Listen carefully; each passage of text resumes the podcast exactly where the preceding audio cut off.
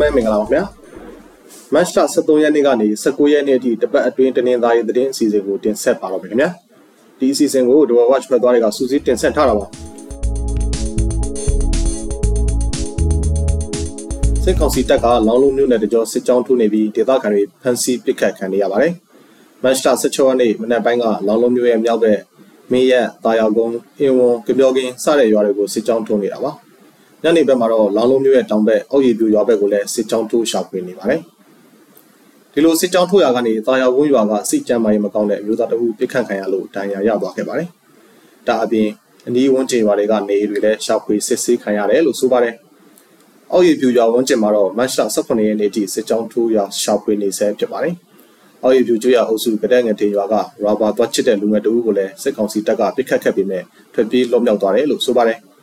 ဒါအပြင်အခြားရွာတွေကနေကတဲ့ငတင်ရွာမှာလာရောက်တေးရှောင်နေတဲ့စစ်ပေးရှောင်တွေနဲ့ဒေသခံ20ကျော်လည်းဖမ်းဆီးခံလိုက်ရပါတယ်။မတ်လ16ရက်နေ့ကဖမ်းလာတဲ့တီစစ်ရွာကရေလုံသားသုံးကိုတော့ပြန်လှုပ်ပေးလိုက်တယ်လို့ဆိုပါတယ်။စစ်ကောင်စီတပ်ဟာမတ်လ18ရက်နေ့ညပိုင်းထိရွာထဲမှာရှိနေဆဲဖြစ်ပြီးတနက်ပစ်ခတ်တဲ့တွေကြားနေရဆဲဖြစ်တယ်လို့ဆိုပါတယ်။ဒေသခံတွေကတော့တိုက်ပွဲဖြစ်လာမှစိုးရင်ပြီးနေအိမ်တွေကနေတေးရှောင်နေကြပါတယ်ခင်ဗျာ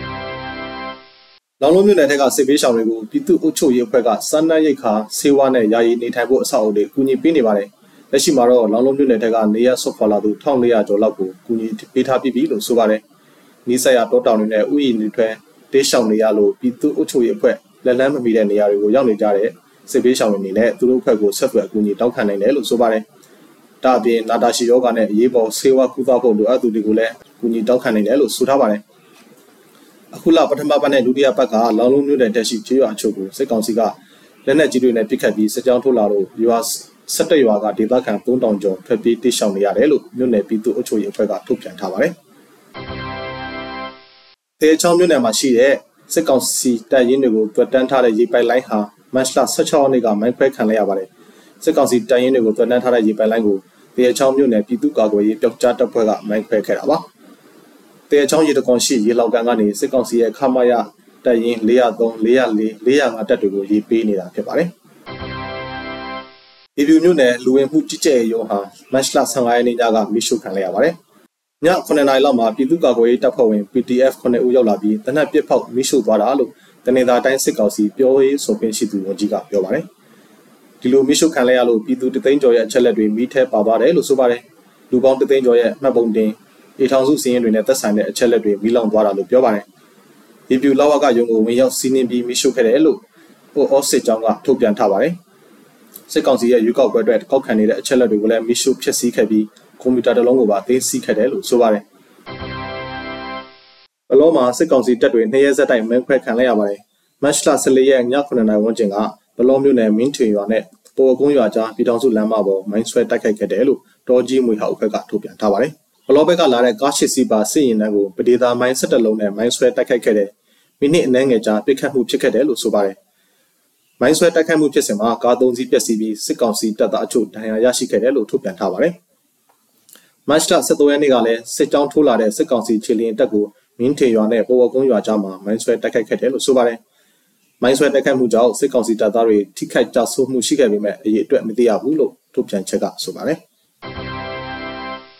အဲ့လိုနည်းလိုပဲဒီနေ့တိုင်းမြို့နယ်ထဲမှာပြည်ထောင်စုလမ်းမပေါ်မှာမတ်လ10ရက်နေ့မနေ့ကစစ်ကောင်စီတပ်ရင်တန်းမိုင်းဆွဲတိုက်ခိုက်ခံရပါတယ်။ဘလမော့ကျေးဝအုပ်စုကမ်းတို့ရွာနာမှာပြည်ထောင်စုလမ်းမပေါ်မှာမိုင်းဆွဲခဲ့လို့စစ်ကောင်စီတပ်သားတေဆုံးဒဏ်ရာရတာတွေရှိခဲ့တယ်လို့ပြည်သူ့ကာကွယ်ရေးတပ်ဖွဲ့မြစ်ခရိုင်တန်ရင်နှစ်ကထုတ်ပြန်ထားပါတယ်။မိုင်းဆွဲခံရပြီးတဲ့နောက်စစ်ကောင်စီတပ်ကလက်နက်ကြီးတွေနဲ့ပစ်လို့လက်သစ်အရှိကမ်းရွာကအသက်၈နှစ်အရွယ်ကလေးတဦးသေဆုံးပြီးအရက်သား10ဦးထက်မနည်းဒဏ်ရာရခဲ့တယ်လို့ဆိုပါတယ်။ မတ်လ12ရက်နေ့ကဘလော့မြို့နယ်ကပြာရွာနားမှာတိုက်ပွဲတစ်ကြိမ်ဖြစ်ပွားခဲ့ပြီးနှစ်ဖက်တိုက်ဆုံမှုတွေရှိခဲ့ပါတယ်။မနက်6နာရီလောက်မှာတစ်ကြိမ်ည9နာရီလောက်မှာတစ်ကြိမ်တိုက်ပွဲဖြစ်ပွားခဲ့တာပါ။အဲ့ဒီတိုက်ပွဲမှာစစ်ကောင်စီတပ်ကအရာရှိတူပါဝင်3ဦးသေဆုံးခဲ့ပြီးပြည်သူ့ကာကွယ်ရေးတပ်ဖွဲ့ကလည်း9ဦးသေဆုံးခဲ့တယ်လို့ဆိုပါတယ်။တိုက်ပွဲကြောင့်ကပြာမင်းတိန်လက်ပပြင်းရွာတွေကဒေသခံတွေလည်းထွက်ပြေးတိရှောင်ခဲ့ရပါတယ်။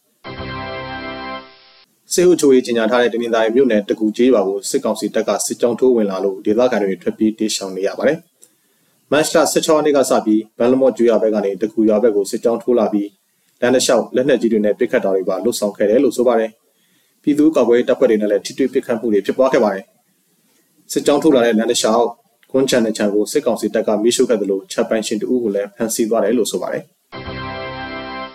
မိမျိုးပေါ်ရက်ွက်တွေမှာ ဘလောမျိုးတွေကစစ်ပေးရှောင်လာတဲ့သူတွေကိုစစ်ကောင်စီကစီရင်လိုက်ကောက်နေပါတယ်။တိုက်ပွဲဖြစ်ပွားနေတဲ့ဗလအမျိုးဒိုရွာဗလရွာဘလောမျိုးနဲ့အခြားရွာတွေကနေစစ်ရှောင်တွေဟာမိမျိုးရှိမိတ်ဆွေဆွေမျိုးတွေနေအိမ်မှာတက်ခုနေထိုင်ပြီးစစ်ရှောင်နေကြတာပါ။ဒီလိုနေနေသူတွေကိုသက်ဆိုင်ရာရက်ွက်အုပ်ချုပ်ရေးအဖွဲ့ကမတ်လ17ရက်နေ့မှာစီရင်လိုက်ကောက်နေတာဖြစ်ပါတယ်။ကျွန်းစုမြို့နယ်မှာတိုက်ပွဲဖြစ်ထားလို့ပြည်သူတွေဂရုပြုသွားလာကြဖို့ပြည်သူ့ကာကွယ်ရေးတပ်ကထုတ်ပြန်ထားပါတယ်။မတ်လ9ရက်နေ့ကကျွန်းစုမြို့နယ် ဗန္နနဲရွာကပြည်သူ့ကာကွယ်ရေးတပ်နဲ့ပြူစောထွေတွေပါတဲ့စစ်ကောင်စီရေတပ်တို့တိုက်ပွဲဖြစ်ပွားခဲ့တာပါ။အဲဒါကြောင့်မလို့ဒေသခံတွေဂရုပြုသွားလာကြဖို့ကျွန်းစုမြို့နယ်ပြည်သူ့ကာကွယ်ရေးအဖွဲ့ကမတ်လ17ရက်နေ့ကထုတ်ပြန်ထားပါတယ်။အဲ့ဒီတိုက်ပွဲမှာစစ်ကောင်စီတပ်ပူးပေါင်းအဖွဲ့က3ဦးသေဆုံးပြီး4ဦးဒဏ်ရာရခဲ့တယ်လို့ထုတ်ပြန်ချက်ကဆိုပါတယ်။ရေပြူမြို့နယ်ဇာတိရွာနားမှာစစ်ကောင်စီတပ်ကတောနှင်းရှာဖွေနေတယ်လို့နေတလုံးလဲပိတ်သိမ်းခံလိုက်ရပါတယ်။ဇာတိကျေးရွာနဲ့ကြောက်ထရန်ရွာကြားမှာ တီရီမင်္ဂလာဘုန်းကြီးကျောင်းသားမှာရှိတဲ့ဥယျာဉ်ခြံတွေနဲ့တောဆက်တွေကိုမတ်လ17ရက်နေ့မနက်ကတောနှင်းရှာဖွေနေတာပါ။ဇာတိရွာထဲမှာလဲမောရဝတီရေတပ်ကစစ်ကောင်စီတပ်သားတွေလက်ပတ်ကင်းလှည့်နေပြီးရွာထွက်အထိတ်ဂိတ်မှာလဲစစ်ဆေးနေပါတယ်။မတ်လ12ရက်နေ့ကဇာတိရွာကပြူစောတိအဖွဲ့ဝင်စုသူရဲ့နေအိမ်ကိုလက်နက်ကင်တစ်ခွက်တစ်ခုကလာရောက်ပစ်ခတ်ခဲ့ပါတယ်။ဒီလိုပြစ်ခတ်ခံရပြီးတဲ့နောက်မှာဇာတိရွာအနောက်ဘက်ကုံရက်ွက်ရှိနေတလုံးကိုစစ်ကောင်စီတပ်သားတွေတုတ်ခတ်ပိတ်သိမ်းသွားတယ်လို့ဆိုပါတယ်။ အဲဒီနောက်စစ်ဆေးမှုတွေတိကျလာပြီးဒေသခံတို့ဦးလည်းဖမ်းဆီးခံထားရတယ်လို့ဆိုပါတယ်။မတ်စတာဆလီရဲ့နေ့ကတနင်္သာမြို့နယ်ညောင်ပင်ကွင်းကျေးရွာအခြေဆိုင်ခမာယာ961တန်ရင်ရဲ့ချန်စီယိုမှာထောင်ထားတဲ့မိုင်းနင်းမီလို့မျိုးသမီးတူခြေတော့ပြတ်သွားခဲ့ပါတယ်။အသက်50အရွယ်ညောင်ပင်ကွင်းရွာသူမျိုးသမီးဟာစစ်ကောင်စီတပ်ချန်စီယိုနာမှာတေဟိုစီသွားခေါက်ရကနေမိုင်းနေမိတာလို့ဆိုပါတယ်။သူ့ကိုမြေမျိုးကစစ်ကောင်စီတပ်စေရုပ်ကိုတည်ဆောင်သွားတယ်လို့ဆိုပါတယ်။ ဘလောမြို့နယ်ကျောင်းနေကျေးရွာကိုစစ်ကောင်စီတပ်ကမတ်လ12ရက်နေ့ကလက်နက်ကြီးတွေနဲ့ပစ်ခတ်လို့ကလေးတဦးနဲ့အမျိုးသမီးတဦးပါဝင်9ဦးဒဏ်ရာရသွားခဲ့ပါတယ်။ဒါအပြင်လက်နက်ကြီးကြီးထိမှန်ပြီးနေအိမ်9လုံးနဲ့ထိခိုက်ပျက်စီးသွားတယ်လို့ဆိုပါတယ်။စစ်ကောင်စီတပ်ကကျောင်းနေရွာပါဝင်နန်းတောင်မော်မီဂျီကာရွာတွေကိုတိုက်ပွဲမဖြစ်ဘဲနဲ့လက်နက်ကြီးတွေနဲ့မကြာခဏပစ်ခတ်လေရှိတယ်လို့ဆိုပါတယ်။ကလေးအောင်မြို့အပါဝင်အနီးနားဝန်းကျင်ရှိရွာ၃ရွာကဒေသခံအနည်းဆုံး၄ဦးကိုစစ်ကောင်စီတပ်ကဖမ်းဆီးသွားပါတယ်။ မတ်လ12ရက်နေ့ကစစ်ကား3စီးနဲ့ရောက်လာပြီးနေအိမ်တွေကိုဝင်ရောက်စစ်ဆေးဖမ်းဆီးသွားတာပါ။မတ်လ10ရက်နေ့ကလည်းကလေးအောင်မြို့နီးဇင်းပါရွာနဲ့ကြောက်ရှက်ရွာကအသက်20ကျော်ရဲ့အမျိုးသမီး2ဦးကိုစစ်ကောင်စီတပ်ကဖမ်းဆီးသွားပါတယ်။တယောက်ကဖုန်းလာဝင်ကလေးအောင်တရားထိပ်မှာဖမ်းခံရတယ်လို့နောက်တယောက်ကနေအိမ်မှာပဲဖမ်းဆီးသွားတာလို့ဆိုပါတယ်။ FOEIM ကကျောင်းသားမိဘတွေဖန်ဆီးခံရတဲ့သတင်းကြောင့်တနင်္လာတိုင်းကကျောင်းသားမိဘတွေစိုးရိမ်နေကြပါတယ်။ အချက်လက်တွေ online ပေါ်ပေါက်ကြားပြီးတဲ့နောက် FOEIM ကျောင်းကိုပိတ်သိမ်းလိုက်တာပါ။အချက်လက်တွေပေါက်ကြားပြီးတဲ့နောက်မှာတော့ကျောင်းအပ်ခဲ့တဲ့အခြားတိုင်းနယ်ပြည်နယ်ကကျောင်းသားမိဘတွေဖန်ဆီးခံရရတယ်လို့ပြည်တွင်းသတင်းဌာနတွေကဖော်ပြထားပါတယ်။ဒါကြောင့်မလို့ FOEIM မှာကျောင်းအပ်ထားတဲ့တနင်္လာတိုင်းတွေကကျောင်းသားမိဘတွေလည်းစိုးရိမ်နေကြတာပါ။ကော့တောင်းမြို့တောင်နှောက်ရက်ကွက်ကပြူစိုးဒီခေါင်းဆောင်ဦးကျော်မိုးခိုင်ဟာမတ်လ15ရက်နေ့ည9:00နာရီလောက်မှာပြစ်ခတ်ခံလိုက်ရပါတယ်။ဦးကျော်မိုးခိုင်ဟာအာနာမသိမီကလေးကပြည်သူ့စစ်အဖွဲ့ဝင်တူဖြစ်ပြီး အာနာသိပြီးတဲ့နောက်မှာလည်းလိုချိုရေးတောင်းတွေထမ်းဆောင်နေသူဖြစ်တယ်လို့ဆိုပါတယ်။သူ့ကိုဘယ်အဖွဲ့ကပြစ်ခတ်ခဲ့တယ်ဆိုတာကိုတော့မသိရသေးပါဘူး။မိမှာချက်ကျိုးတန်းလန်းနဲ့မွေးကင်းစားကလေးတူဆွတ်ပစ်ခံထားရပါတယ်။မတ်လ15ရက်နေ့ညကမြေတောင်နယ်မြေရှိအမှတ်6ထက်တန်းကျောင်းရှိမှာဆွတ်ပစ်ထားတာပါ။ဆွန့်ပစ်ထားတဲ့ကလေးငယ်ဟာမိန်းကလေးဖြစ်ပြီးအနီးအနားမှာလည်းသွေးစွန်းနေတဲ့စားတစောင်တွေ့ရတယ်လို့ဆိုပါတယ်။လက်ရှိမှာတော့ကလေးကိုဆေးရုံတင်ပို့ထားပြီးမွေးစားလူသူတွေလည်းရှိနေတယ်လို့ဆိုပါတယ်။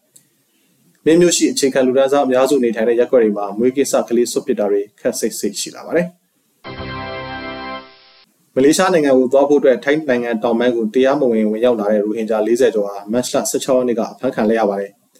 လမ်းမေးတောထဲမှာပုတ်ခုနေတာကိုရွာလူကြီးတဦးကရိပ်မိပြီးထိုင်းရတပ်ဖွဲ့ကိုတိုင်ကြားရကနေအဖမ်းခံလိုက်ရတာပါ။ဖမ်းဆီးခံရသူတွေဟာရခိုင်ပြည်နယ်ဘက်ကလာတဲ့သူတွေဖြစ်ပြီးပွဲစားဖြစ်သူကစွတ်ပစ်ထားခဲ့တာလို့ဆိုပါတယ်။သူတို့ဟာမလေးရှားသွားဖို့အတွက်ပန်ဆိုင်မှုတွေကိုရောင်းချပြီး တဦးကိုပွဲစားခအဖြစ်ဘတ်6000ကနေ9000ထိပေးထားရတယ်လို့ထိုင်းသတင်းတွေကဆိုပါတယ်။